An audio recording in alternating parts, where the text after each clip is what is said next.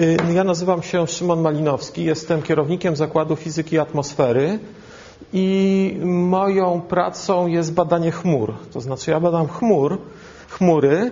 Dzisiaj w wykładzie nie będzie o chmurach, y, natomiast chciałem Państwa dzisiaj przekonać, pokazując różne, różne stare prace, że sprawa tego, jak działa klimat, skąd się wzięła globalne ocieplenie i tak dalej, jest znacznie starsza niż nam się, niż nam się wydaje, y, wydaje na co dzień i że jest bardzo, bardzo bogata dokumentacja w literaturze naukowej, że ludzie zajmowali się tym problemem, y, no, zajmują się tym problemem już ponad 200 lat.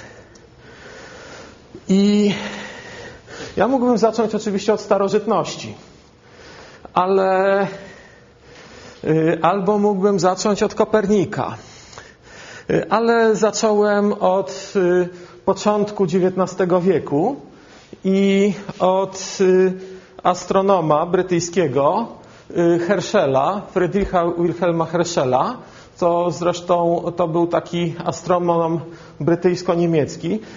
W owym czasie w XVIII i w XVIII wieku, a później także troszeczkę na początku XIX, y, naukowcy często byli związani z różnymi dworami królewskimi. E, na przykład, nie wiem czy Państwo wiedzą, że Euler na, na, przykład y, pracował wielki, wielki, chyba największy matematyk w historii y, w Prusach u Fryderyka Wielkiego, potem przeniósł się do Piotra Wielkiego do Petersburga i zmieścił, zmienił tam miejsce dla Lagrange'a. Lagrange potem pojechał y, do Francji, do Ludwika XVI i zamknęła go tam rewolucja francuska. W każdym razie historii takich było dużo. Y, William Herschel trafił do Anglii i w 1801 roku y, miał świadomość jako astronom, też czytając literaturę naukową, że wiele gwiazd jest zmiennych, zmienia jasność. I, zadać, i zadał pytanie, jak to jest ze Słońcem? Y, zaczął poważne badania liczby plam na Słońcu, które obserwowano Galileusza i skojarzył ich brak w długich okresach w XVII wieku, tak zwane minimum Maundera, z zapisane ocenach zbóż, które jak argumentował powinny być związane z okresami suszy. No i patrząc na korelację pomiędzy tymi, y, pomiędzy tymi wielkościami, y, argumentował, że Słońce ma bardzo duży wpływ na klimat. E Następny poważny krok zrobił bardzo słynny francuski fizyk i matematyk Józef Fourier, znany nam przynajmniej fizykom, a także dużej części inżynierów, prawdopodobnie z dekompozycji funkcji ciągłych na y, tak zwane szeregi Fouriera, sinusów i kosinusów. Każdą dostatecznie przyzwoitą funkcję można zapisać jako taką sumę, ale to była jego poboczna praca jego głównego dzieła teorii analitycznej ciepła, gdzie pierwszego nowoczesnego w ogóle opisu zjawisk termodynamicznych. I on się zajmował termodynamiką. Napisał też taką y, pracę na notka na, tempera, na temat temperatury y, globu ziemskiego i innych planet i zauważył na podstawie swoich analiz, że temperatura powierzchni naszej planety jest wyższa niż wynikałoby to z dopływu energii słonecznej. Spekulował, jeszcze nie wiedział, że atmosfera być może ma własności izolacyjne, utrudniające ucieczkę ciepła y, w przestrzeń. Znał pracę swojego kolegi de Saussura, który patrzył jak w naczyniu w którym jest kilka szyb, rośnie temperatura, gdy to naczynie jest oświetlane promieniowaniem słonecznym, który badał właśnie y, tak, jak działa, krótko mówiąc, szklarnia czy cieplarnia i zjawisko to właśnie nazwał efektem cieplarnianym. Także nazwa efekt cieplarniany y, pochodzi w formie ustnej wykładu z 1824 roku, a y, udokumentowana została na piśmie w roku 1827, czyli 190 kilka lat temu. Każdym bądź razie dwie podstawowe hipotezy fizyki klimatu, że klimatem rządzi dopływ energii od Słońca, pierwsza, i druga, że rządzi własności izolacyjne atmosfery, to się oczywiście te hipotezy się nie wykluczają. obie, oba elementy są prawdziwe. Sformułowano już na początku XIX wieku. E, przez, y, nauka się wtedy nie rozwijała tak bardzo szybko jak teraz i y, liczba naukowców na świecie była, była niewielka. W każdym bądź razie te spekulacje czy informacje Fouriera były, były znane, dobrze opisane i dobrze znane naukowcom. I y, y, irlandzki fizyk John Tyndall był także y, alpinistą i prowadził wyprawę badawcze w Alpy. I już wtedy zauważył, że, globo, że lodowce alpejskie zaczynają się cofać. I y, zainteresował się właśnie tymi, tymi sprawami, jak działa, jak, działa, jak, jak, jak, działa, jak działa klimat. Y, zainteresował się także, znane było już wtedy y, zjawisko właśnie także opisane jeszcze przez, przez Fouriera, transferu ciepła przez promieniowanie. I on zaczął prowadzić w laboratorium y, badania dotyczące y, pochłaniania energii cieplnej, energii promieniowania podczerwonego przez różnego rodzaju pary i gazy. Tutaj jest y, fragment z, jego, z jednej z jego notek, co, co, bardzo fajne. Znaczną część tych, tych artykułów i dokumentów w tej chwili każdy może sobie sam wyklikać w Google Books bardzo dużo, bardzo dużo starych artykułów i prac naukowych zostało zeskanowanych i jest w tej chwili po prostu dostępnych o jedno bądź dwa kliknięcia myszki. Nie trzeba jeździć po jakichś dalekich bibliotekach, wystarczy zasiąść przy komputerze, stuknąć Google Books i zadając właściwe pytania, można dotrzeć do tych rzeczy, które tutaj Państwu pokazuję. Tu jest jeden z jego wykładów. Yy, dostarczony, y, znaczy, który, który miał przed y, Senatem Uniwersytetu w Cambridge w Anglii w 1865 roku. On potem został spisany i wydany w formie książkowej, gdzie mówił właśnie o promieniowaniu widzialnym i niewidzialnym, czyli o promieniowaniu takim słonecznym, promieniowaniu w podczerwieni, który widzimy, o jego znaczeniach, o eterze, wtedy była to, to hipoteza, no i o absorpcji promieniowania cieplnego właśnie tego ciepła wypromieniowanego w postaci promieniowania przez różnego gazy oraz pary.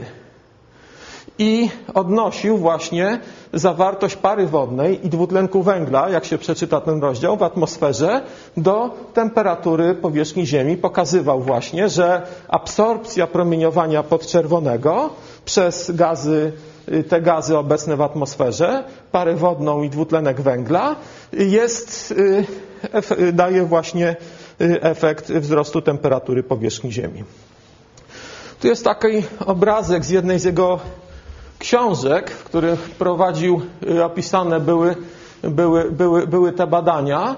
Tu jest termostos, gdzie porównywał promieniowanie Y, ze źródła promieniowania, tu są dwa źródła promieniowania, jedno i drugie, tu jest na razie zasłonięte, ale oba są odsłonięte. I tu jest rura, tu Państwo widzą pompę próżniową, z której wypompowywało się powietrze i potem wpuszczało się do środka badany gaz i badaną parę, rura o określonej długości, wiedział w jakiej, na jakiej długości, jakie tam jest ciśnienie danego gazu i pary, jaka jest jego ilość i w związku z tym mógł porównać różnicę yy, Y, y, promieniowania docierającego z jednej strony i z drugiej strony w momencie, kiedy wprowadza się do środka, do rury różnego rodzaju absorbujące gazy. W tym momencie w zasadzie w fizyce y, już było dobrze wiadomo, że, że bardzo dużo gazów właśnie absorbuje promieniowanie w zakresie podczerwieni, promieniowanie cieplne. Natomiast y, y, Herschel, Fourier i Tyndall to są te, te trzy nazwiska, które odnosiły różne, y, różne efekty z tym związane właśnie do, do atmosfery. Ale pod koniec XIX wieku geolodzy spekulowali i odkryli właśnie, prowadząc badania geologiczne, Y, epoki lodowcowe. Zresztą to był strasznie burzliwy y, okres w ogóle w zrozumieniu nauki i nauk o Ziemi, bo na przykład e,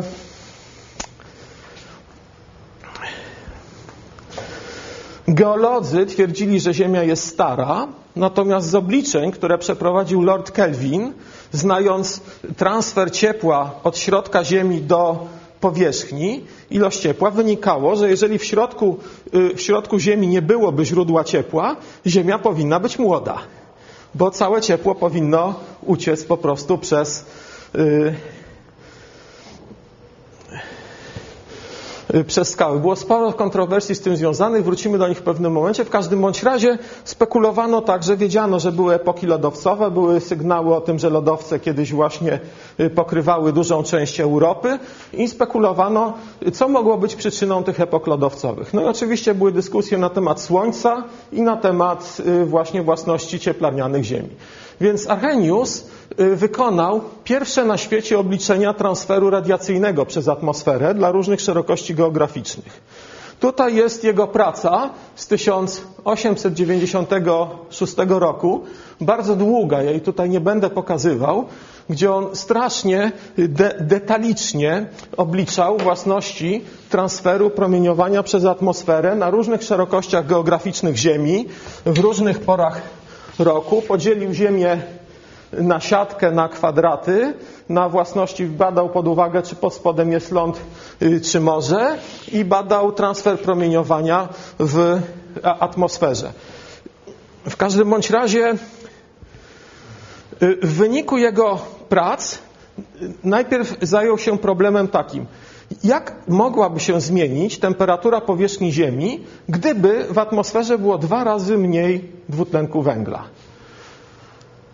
No i stwierdził, że tego typu sytuacja, według jego obliczeń, według danych, które po, posiadał, y, powinna y, przynieść y, spadek temperatury w Europie około 4 do 5 stopni Celsjusza. Ja przypominam, że wtedy zawartość dwutlenku węgla w atmosferze była około 300 cząstek na milion y, cząstek atmosfery. W tym czasie, kiedy Archenius robił te swoje y, obliczenia. Ale on pracował na Uniwersytecie w Uppsali, gdzie spotykał się z Arwidem Hogbomem, y, geologiem, który właśnie badał te procesy geologiczne i geochemiczne, także epoki lodowcowe, ale on badał także emisje wulkaniczne. I on zrobił pierwsze, może nie pierwsze, ale poważne estymacje ilości dwutlenku węgla, który dostaje się do atmosfery z emisji wulkanicznych. I wyszło mu z tych estymacji na podstawie różnego rodzaju danych geologicznych i, i pomiarów wulkanologicznych, że one są w tym czasie, to jest koniec XIX wieku, takie same jak emisje wynikające ze spalania paliw kopalnych. Przede wszystkim węgla w tym czasie. Hogbom zauważył, że gdyby spalać węgiel w tym takim tempie, jak był spalany pod koniec XIX wieku, to w zauważalnym czasie y, kilku tysięcy lat mogłyby one doprowadzić do silnej zmiany składu atmosfery. Arrhenius powtórzył swoje obliczenia dla sytuacji takiej, co by się stało, gdyby zawartość dwutlenku węgla w atmosferze wzrosła dwukrotnie. No i wyszło mu wzrost temperatury powierzchni planety od 5 do 6 stopni. Kilkanaście lat później emisje wzrosły mniej więcej dziesięciokrotnie w stosunku do, do połowy lat 90. XIX wieku. No i w tym momencie y, już y, Archenius mówił, że y, przewidywany przez niego wcześniej wzrost temperatury może wystąpić w ciągu, w ciągu kilkuset lat. Inna rzecz, że nikt wtedy nie uważał, że tego typu zjawisko może być y, w jakiś sposób szkodliwe czy, czy niebezpieczne. Y, tutaj trzeba wspomnieć o, o drugim geologu, Tomasie Chamberlinie, który y,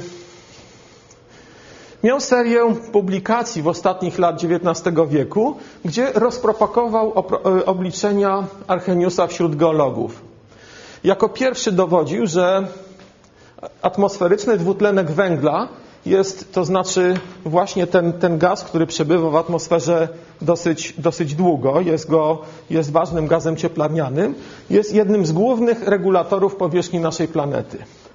I Chamberlain mówił, że nie można dla zrozumienia procesów klimatycznych i, i historii geologicznej, nie można rozpatrywać żadnego z procesów, które mogą rządzić temperaturą powierzchni klimatu osobno. Że te wszystkie procesy są ze sobą y, związane. Y, y, Słońce oczywiście ma zasadniczą rolę, bo dostarcza nam energii naszemu systemowi klimatycznemu, ale ważne jest, co się z tą energią dzieje. Czy ona jest odbijana w kosmos, czy ona jest pochłaniana, czy istnieje warstwa izolacyjna, która Y, uniemożliwia, y, utrudnia wydostanie się tej energii, która już dostała się do układu klimatycznego y, wyjścia na zewnątrz. W związku z tym on, on pierwszy dowodził, że po to, żeby zrozumieć, zrozumieć jak działa klimat, to musimy rozpatrzeć nie jeden zjawisko, ale wiele z nich i także zrozumieć sprzężenia, to znaczy jak jedne z nich mogą wpływać na drugie w systemie klimatycznym.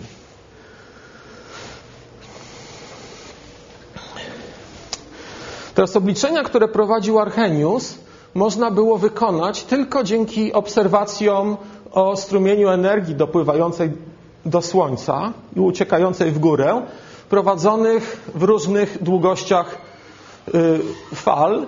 Te, te, te informacje pierwszy, pierwszy zdobył y, amerykański fizyk i Samuel Pierpont Langley. Y, wynalazł on bolometr, który pozwala właśnie lepiej mierzyć energię docierającą przez promieniowania słoneczne do Ziemi. I jeżeli Państwo pójdą potem na nasze warsztaty gdzieś tam, gdzieś tam do góry, zobaczyć jak w tej chwili, no niestety dzisiaj są, są chmury, nie widać tarczy słonecznej, więc części z pomiarów nie będziemy mogli zrobić na, na żywo, to do tej pory stosuje się na przykład metodę Langleya kalibracji niektórych przyrządów do pomiaru ilości y, słońc, y, energii docierającej do powierzchni Ziemi od Słońca. Na czym to mniej więcej polega ta metoda, metoda Langleya? Jeżeli wyobrazimy sobie, że jesteśmy na powierzchni Ziemi i mamy Y, cienką warstwę atmosfery. Tak w rzeczywistości jest, bo promień powierzchni Ziemi to jest 6400 km, a powiedzmy grubość, cała grubość atmosfery praktycznie to jest około 100 km. Czyli z punktu widzenia, z punktu widzenia y, powierzchni globu, to ta atmosfera jest prawie płaska i bardzo, bardzo, bardzo, bardzo cienka. To w tym momencie, jeżeli obserwujemy Słońce przez różną grubość warstwy atmosfery, jeżeli ta warstwa jest jednorodna, to w tym momencie, robiąc pomiary dla różnych kątów, y, dla różnych kątów obserwacji, można po prostu y, w tym momencie wyeliminować y, absorpcję w atmosferze i oszacować właśnie ilość energii, która, która dociera od Słońca. On te pomiary prowadził nie tylko nisko on pracował, był założycielem Smithsonian Institution w Waszyngtonie, y, ale on odbył kilka wypraw wysokogórskich na Mount Whitney, najwyższy szczyt y, kontynentalnych Stanów Zjednoczonych w Kalifornii, który ma prawie 4,5 km wysokości. 4,5 km wysokości to jest taka wysokość, gdzie 45, 40% masy atmosfery jest już poniżej tego wierzchołka. I ta część właśnie atmosfery, w której jest najwięcej y, aerozoli, które rozpraszają promienie osłabiają promienie słoneczne docierające do powierzchni Ziemi, już jest poniżej. W związku z tym on y, porównał y, jedne i drugie dane. On także prowadził badania światła odbitego przez Księżyc i absorpcji tego światła w atmosferze, także w zakresie podczerwieni i właśnie z tych wyników korzystał Y, korzystał Arrhenius, prowadząc swoje obliczenia. A następcą Langleya w Smithsonian Institution i głównym badaczem aktywności słonecznej, ilości energii, jaka dociera od Słońca, był y, Abbott, Charles Abbott i on był przez wiele, przez wiele lat bodajże niemal 40, kierownikiem tego Smithsonian Institution, obserwatorium astronomicznego. I prowadził pomiary stałej słonecznej. To znaczy ilości do, energii docielającej od Słońca. Zauważył, że nazwa stała jest źle użyta. Energia zmienia się od liczby plam na Słońcu, czyli potwierdził już bardzo szczegółowo wcześniejsze przypuszczenia właśnie Herschela.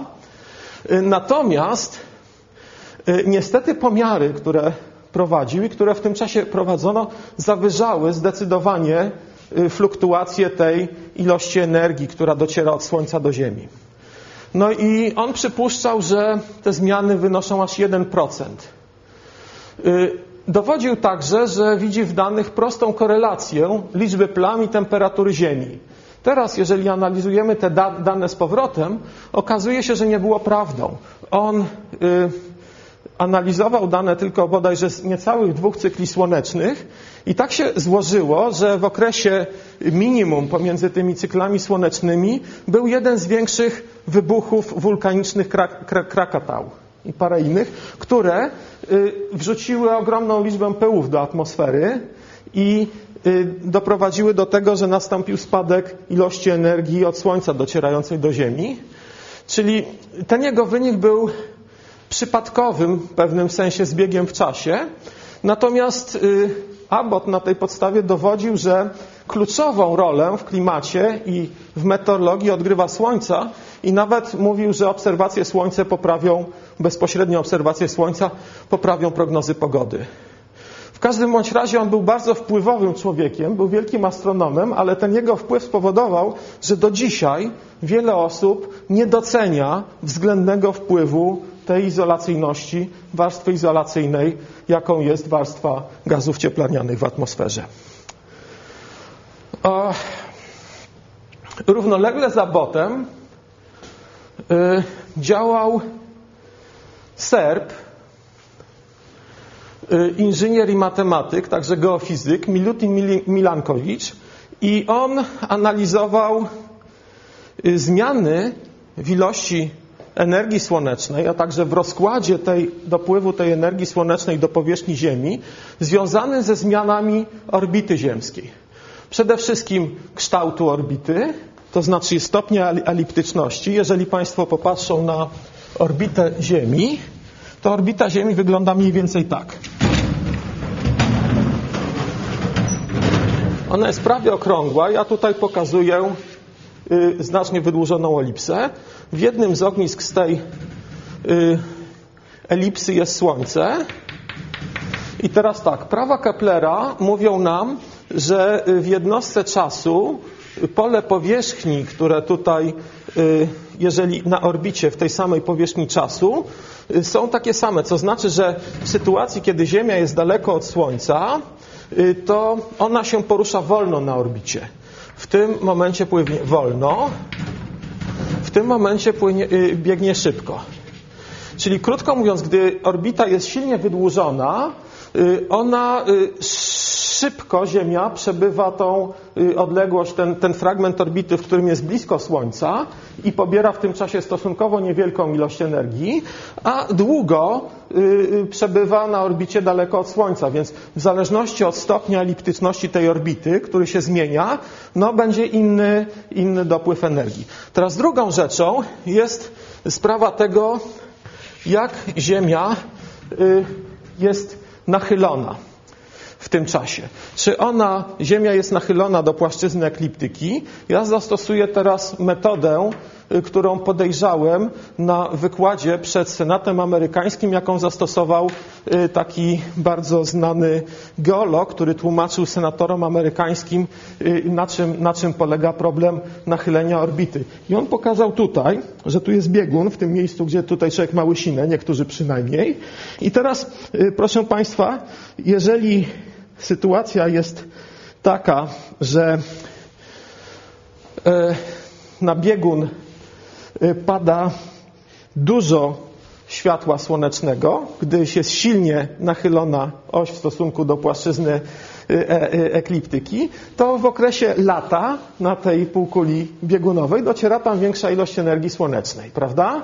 Natomiast jak y, że tak powiem, wyobraźmy sobie, że Słońce jest na górze i teraz y, Ziemia, oś Ziemi jest y, skierowana, skierowana do góry, no to w tym momencie, to w tym momencie tam dociera znacznie mniej energii słonecznej. I teraz on zauważył jeszcze drugą rzecz, która jest szalenie ważna, że Ziemia jest asymetryczna, jeśli idzie o półkulę północną i południową. Y, na półkuli północnej, co prawda, na samym biegunie nie ma lodów, nie ma lądu, natomiast lądy sięgają 70 stopni szerokości północnej, jest pas lądów otaczający biegun. A na półkuli południowej jest sytuacja dokładnie odwrotna. Jest kontynent na biegunie, a dookoła tego jest pas morza. I teraz, jakie to ma znaczenie? Otóż E, pytanie jest takie, gdzie zimą może gromadzić się śnieg i lód? I latem, jak długo? Okazuje się, że jeżeli popatrzymy na powierzchnię, to na półkuli północnej, w tym pasie dookoła bieguna, ten śnieg może zalegać długo. Śnieg bardzo silnie odbija promieniowanie słoneczne. I w momencie, kiedy y, półkula północna Y, jest y, przez krótki tylko okres czasu oświetlana, że tak powiem, promieniowaniem, silnym promieniowaniem słonecznym, nie prowadzi to do roztopienia całkowitego lodów. Lód z roku na rok może narastać.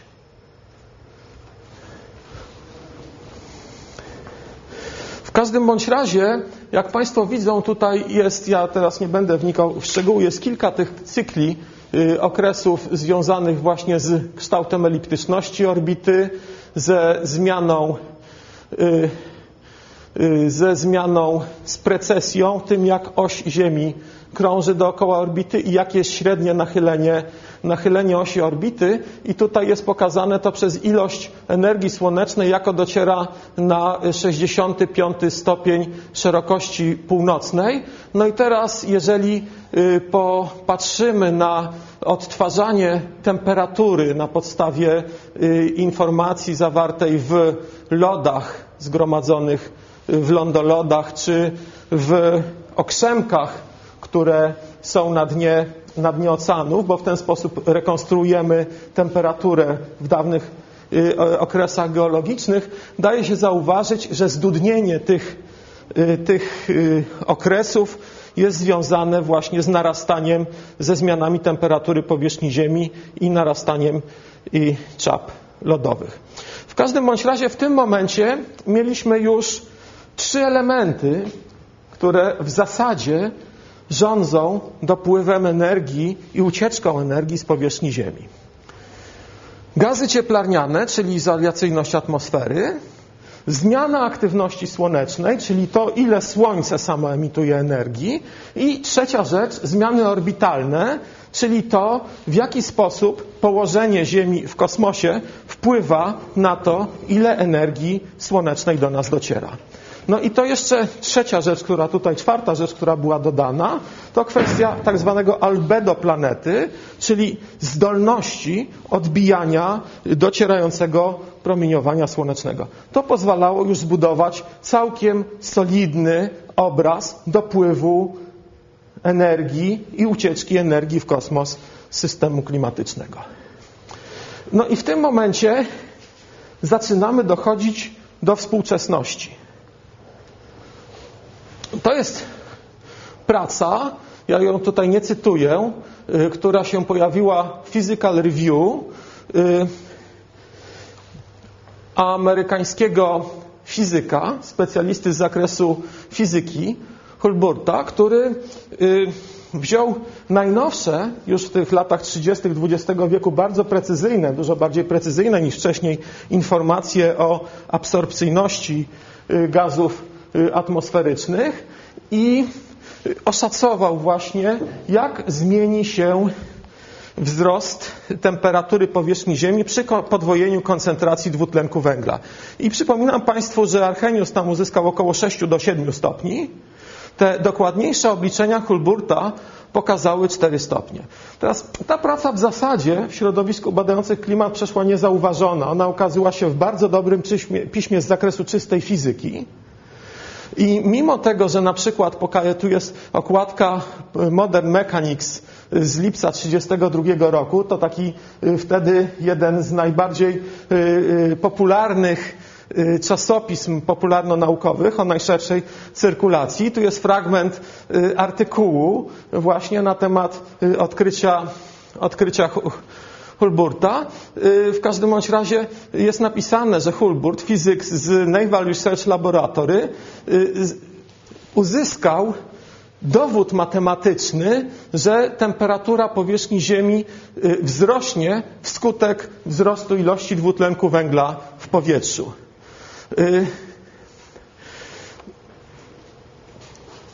Kominy, które emitują ogromne objętości tego gazu, który także jest w wydychanym przez nas powietrzu i jest produktem rozkładu materii organicznej, no właśnie wzrosną i doprowadzi to do wzrostu temperatury. Teraz w tym miejscu chciałem zwrócić Państwa uwagę na dwie rzeczy. Mamy informacje o tym, jak przy stałym dopływie energii słonecznej, bo te wszystkie założenia Arrheniusa i, i Hulburta były takie, że dopływ energii będzie, będzie stały, jak wzrośnie temperatura powierzchni Ziemi przy podwojeniu zawartości dwutlenku węgla w atmosferze na podstawie znajomości transferu radiacyjnego przez atmosferę, przepływu promieniowania w świetle widzialnym i w podczerwieni przez atmosferę. Ale te obliczenia, one w bardzo niewielkim stopniu albo prawie w ogóle nie uwzględniały innych efektów sprzężeń w systemie Ziemia-atmosfera, o których mówił Chamberlain, ten, ten, ten geolog amerykański. I teraz no, możemy sobie wyobrazić na przykład, że wzrost zawartości pary wodnej, jedno z tych w atmosferze, z jednej strony powoduje, że jest więcej tego gazu cieplarnianego, silnego gazu cieplarnianego, jakim jest para wodna i izolacja powierzchni Ziemi, izolacyjność atmosfery wzrośnie. Z drugiej strony więcej pary wodnej powoduje do tego, że w atmosferze powstaje więcej chmur, Chmury odbijają promieniowanie słoneczne i nie dopuszczają go do niższych warstw atmosfery i do pochłaniania przez powierzchnię Ziemi. Więc chmury mogą mieć efekt chłodzący. I teraz pytanie jest takie, który z tych efektów może przeważyć? Żaden z tych dotychczasowych, dotychczasowych podejść nie, nie pozwalało na to odpowiedzieć. Natomiast można spróbować się o tym przekonać empirycznie. I Pierwszym, który y, zrobił takie empiryczne analizy temperatury powierzchni Ziemi gdzieś od połowy XIX wieku do lat 30. XX wieku i porównał to z zawartością dwutlenku węgla w atmosferze, ze zmianą tej ilości dwutlenku węgla w atmosferze w tym czasie, był y, Guy Stewart Kalendar, angielski inżynier i wynalazca, który hobbystycznie zajmował się, że tak powiem, problemami zmian klimatu. On opublikował jednak pracę w pełni profesjonalną, która została przyjęta do Quarterly Journal of the Royal Meteorological Society, y, w której pokazał, że 10% y, wzrost w atmosferze dał się y, odczuć wzrostem temperatury, średniej temperatury powierzchni globu, wtedy to było około 0,2 stopnia, jeśli dobrze pamiętam. W każdym bądź razie, robiąc różne, dosyć skomplikowane i nie zawsze poprawne interpolacje tego efektu, oszacował, że jeśli y, zawartość y, dwutlenku węgla w atmosferze wzrośnie dwukrotnie, y, to wtedy klimat średnio, temperatura powierzchni globu wzrośnie o 2 stopnie Celsjusza. Proszę zobaczyć. Obliczenia radiacyjne dają 4, y, dane historyczne dają 2. 2 stopnie. Rozrzut dosyć duży. W każdym bądź razie już wtedy by, była taka, taka historia, że właśnie y, czułość klimatu na podwojenie koncentracji dwutlenku węgla w powietrzu, w tej chwili używamy tego terminu, y, wynosi 2 stopnie według kalendara i 4 stopnie według Hulburta. I kalendara to jest y, analiza danych doświadczalnych, A Hulburta to są obliczenia transferu radiacyjnego, jeszcze daleko niepełne. Teraz proszę zobaczyć, jak wygląda aktualny stan wiedzy.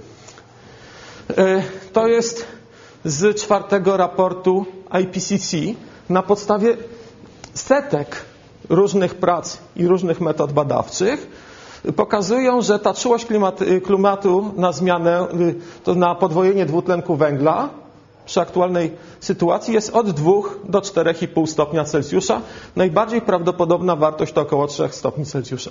I teraz, proszę Państwa, e, cały czas mamy taką sytuację, że wszystkie te szacunki czułości klimatu robione na podstawie danych historycznych i paleoklimatycznych, które sięgają dalej wstecz, są trochę niższe niż większość y, tej y, oszacowań czułości y, obliczanych na podstawie informacji teoretycznych. Znaczy to tylko tyle, że może nie do końca tych wszystkich informacjach teoretycznych jesteśmy w stanie uwzględnić dane eksperymentalne. Z drugiej strony te oszacowania na podstawie danych eksperymentalnych są bardzo niepewne, z bardzo dużym zakresem błędów, bo przed wynalezieniem termometru nikt temperatury na powierzchni Ziemi nie mierzył i te wszystkie oszacowania są na podstawie tak zwanych proksy danych zastępczych.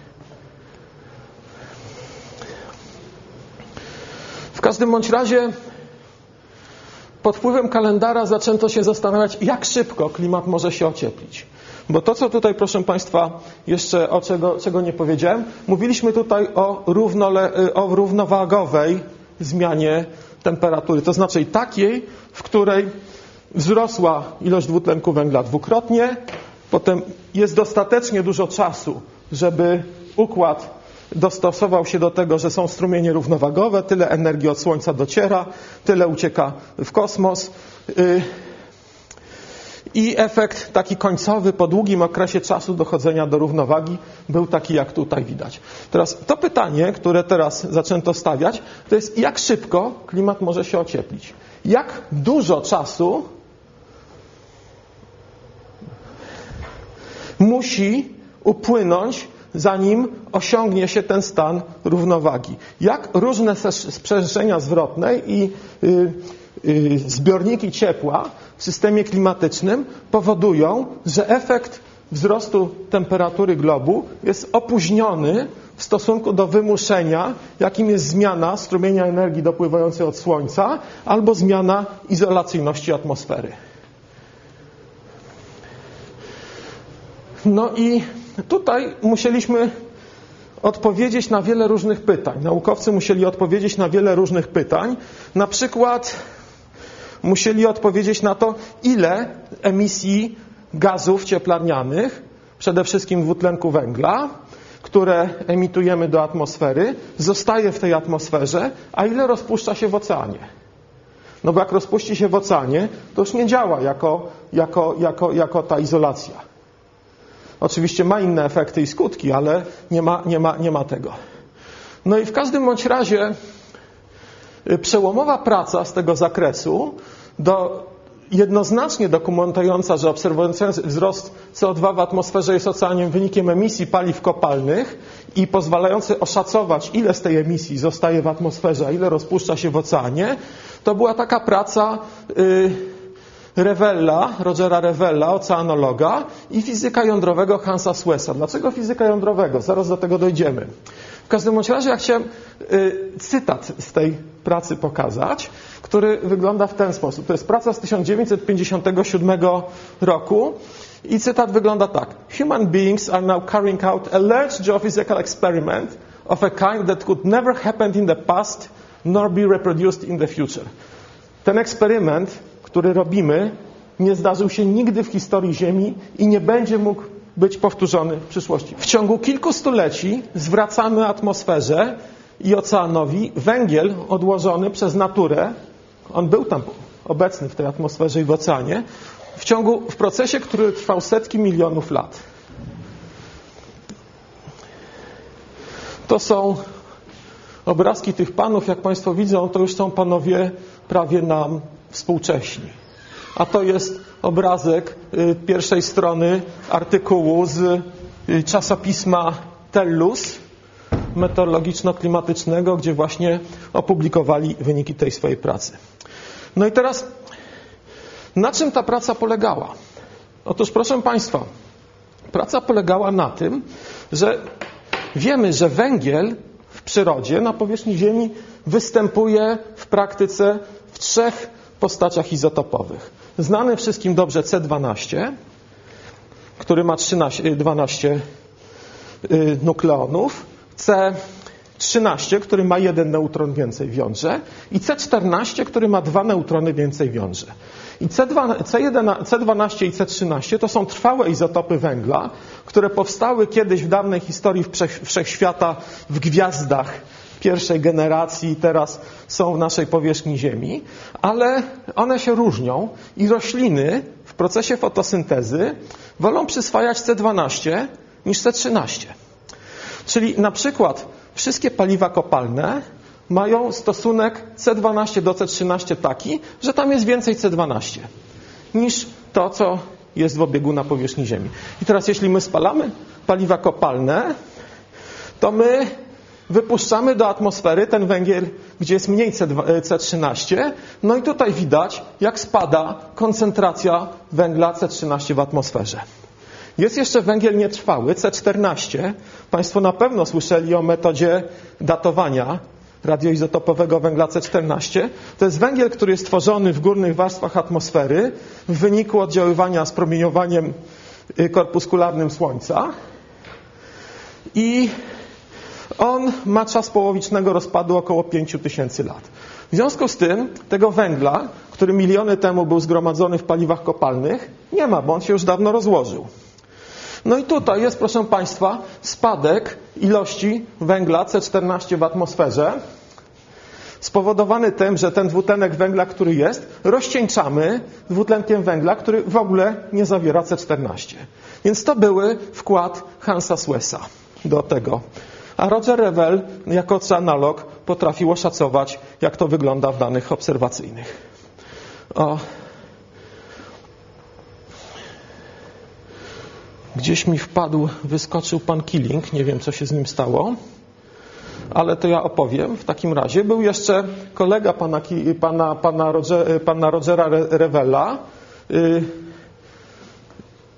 Killing, David Charles Killing, David Charles Killing, y, który y, właśnie też pracując, Revell pracował w Scripps Institution for Oceanography i Killing Y, też tam pracował, właśnie zaproponował i wprowadził pierwsze systematyczne pomiary koncentracji dwutlenku węgla, bardzo regularne, w takim miejscu, które byłoby jak najmniej narażone na lokalne jakieś emisje dwutlenku węgla, z kominów obok i tak dalej.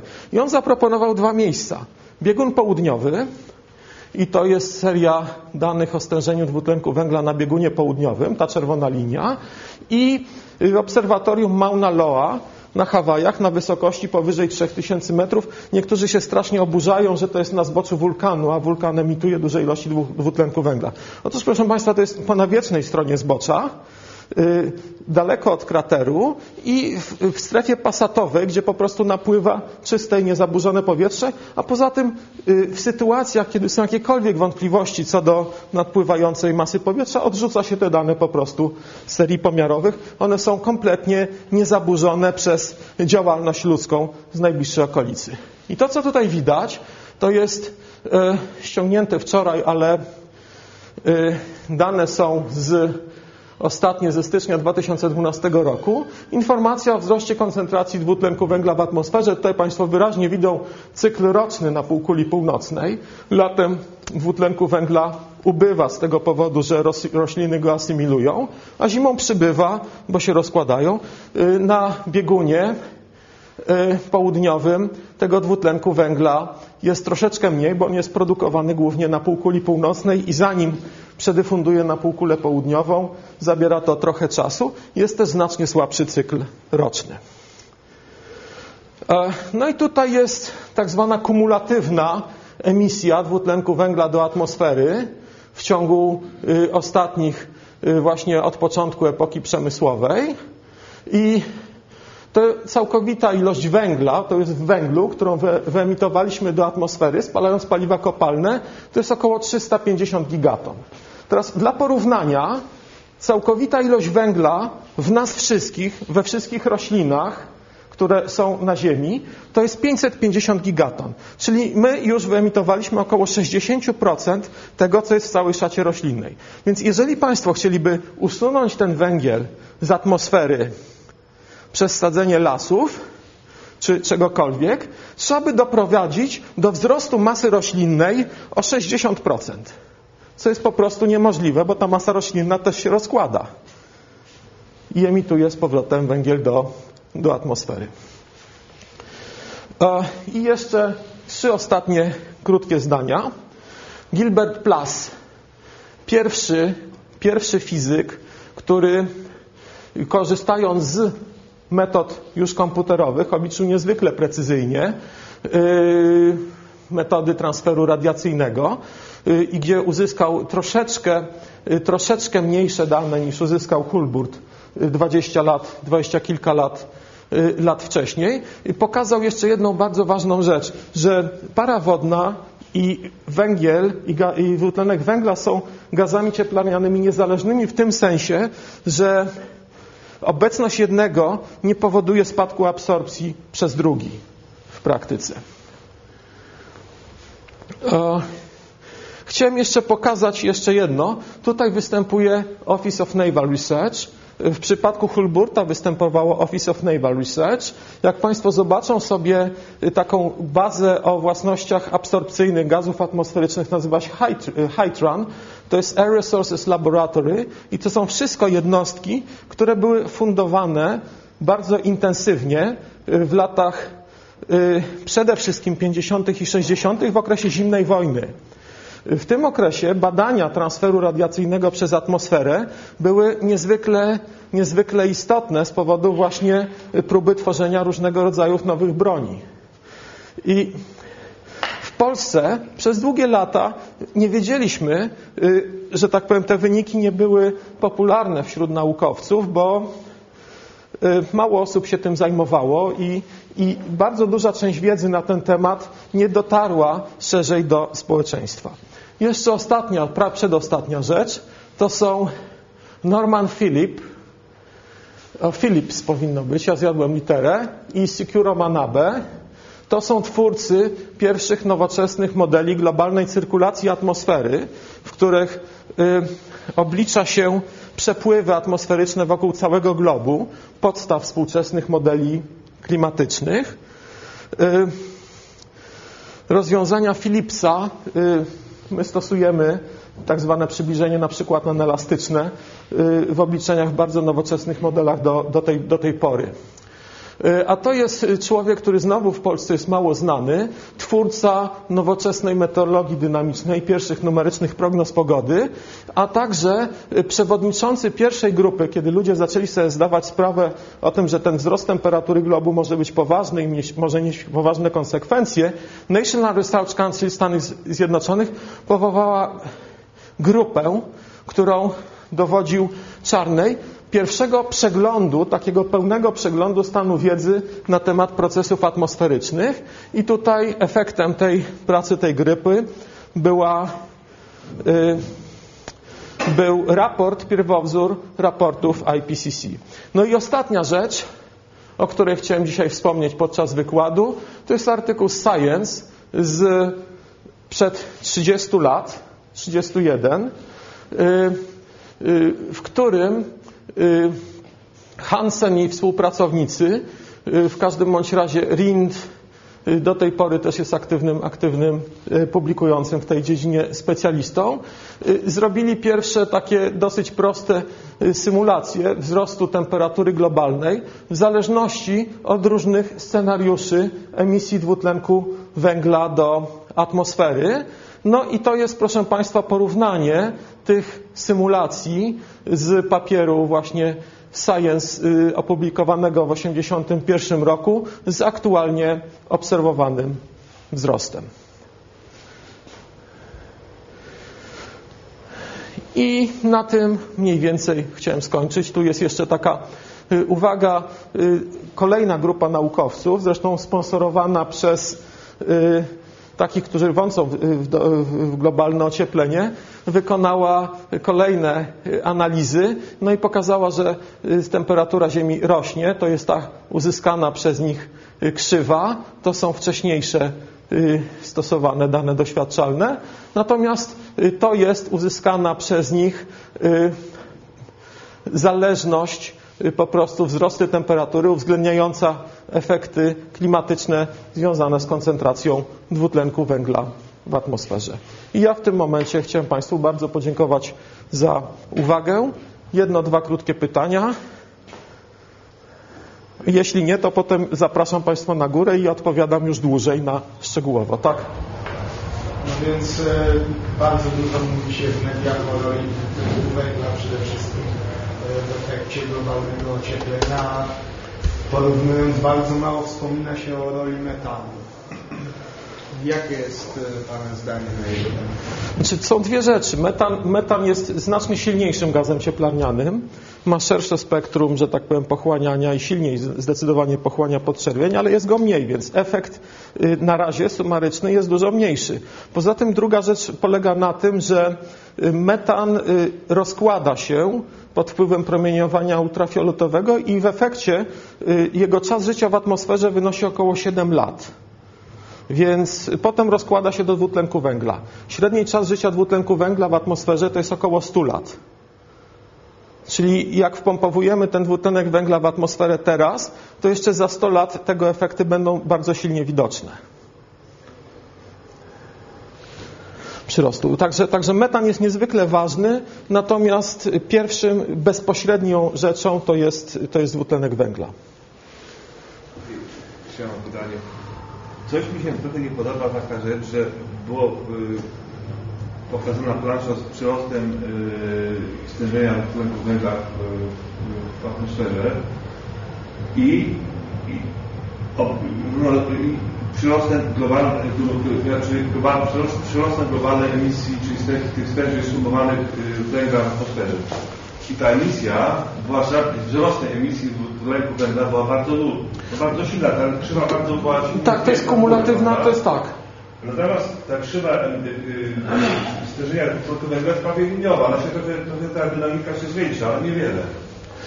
Znaczy, no to, to jest mniej więcej, to jest mniej więcej, proszę pana, to jest mniej więcej, proszę pana, tak, jak pan odkłada na, y, na ten, y, to- jest, y, jak pan sumuje obroty dużej firmy, jak, która się rozwija, to ta dynamika będzie, to będzie ona wygląda, wygląda w ten sposób. Ponieważ tak, ponieważ czas życia w atmosferze dwutlenku węgla jest stosunkowo długi, my w, pokazując tego typu krzywą y, w zakresie około 100 lat, mamy prawo to robić, bo to jest to, to, co w ciągu 100 lat zostało wyemitowane i zostało w atmosferze. Ale tego, Także st- tego powinno być dużo więcej, bo coraz większa jest emisja, to będzie rozwój też powinien być dużo większy. Y, No, więc on, Ta krzywa linia to jest, znaczy która z tych linii to jest krzywa e, stężenia dwutlenku, tak? to jest krzywa stężenia dwutlenku węgla w atmosferze, a to jest emisja. A to znaczy to nie jest stężenia, tylko to jest całkowita, y, no przepraszam, to jest y, y, przyrost zawartości dwutlenku węgla w atmosferze w tonach wskutek rosnącej emisji. Jeżeli pan chce węgiel w tonach, jaki jest w atmosferze tutaj podać, bierze pan ilość węgla, która była y, w czasie y, przedprzemysłowym i potem dodaje pan, ile każdego roku dołożyło się do tego obserwowanego wzrostu. Więc jedną rzeczą jest zmiana koncentracji, a drugą jest y, zmiana całkowitej ilości tego węgla w atmosferze. Bo tylko połowa zostaje w atmosferze. Połowa, połowa zostaje w atmosferze. To, co pan tutaj widzi, to jest to, ile zostało w atmosferze, reszta została rozpuszczona w oceanie. Y, Także tutaj dynamika tej krzywej, która zostaje w atmosferze, jest trochę mniejsza. I ona przypomina tą krzywą. y, Tutaj teraz drugą rzecz, którą tutaj chciałem pokazać, że ta krzywa, którą tutaj pokazałem, to jest od roku 60 do 2010. To jest prosta, prawda? A powinna być jednak wyraźnie, to powinno być jednak trochę bardziej widoczne. Znaczy ona wbrew pozorom nie jest prosta. Jeżeli pan popatrzy na nachylenie tutaj, i zrobi, i zrobi, sobie, i zrobi sobie Pan tutaj przedłużenie, to trochę jest. Natomiast patrzy Pan tutaj tylko na, jeżeli Pan popatrzy sobie na ten, na ten, na ten odcinek, to patrzy Pan tutaj na ten kawałek i w, w innych skalach. Tutaj też, jeżeli weźmiemy tak i przedłużymy, będzie to wyglądało podobnie. Dobra, ja w tym momencie kończę. 5 minut przerwy.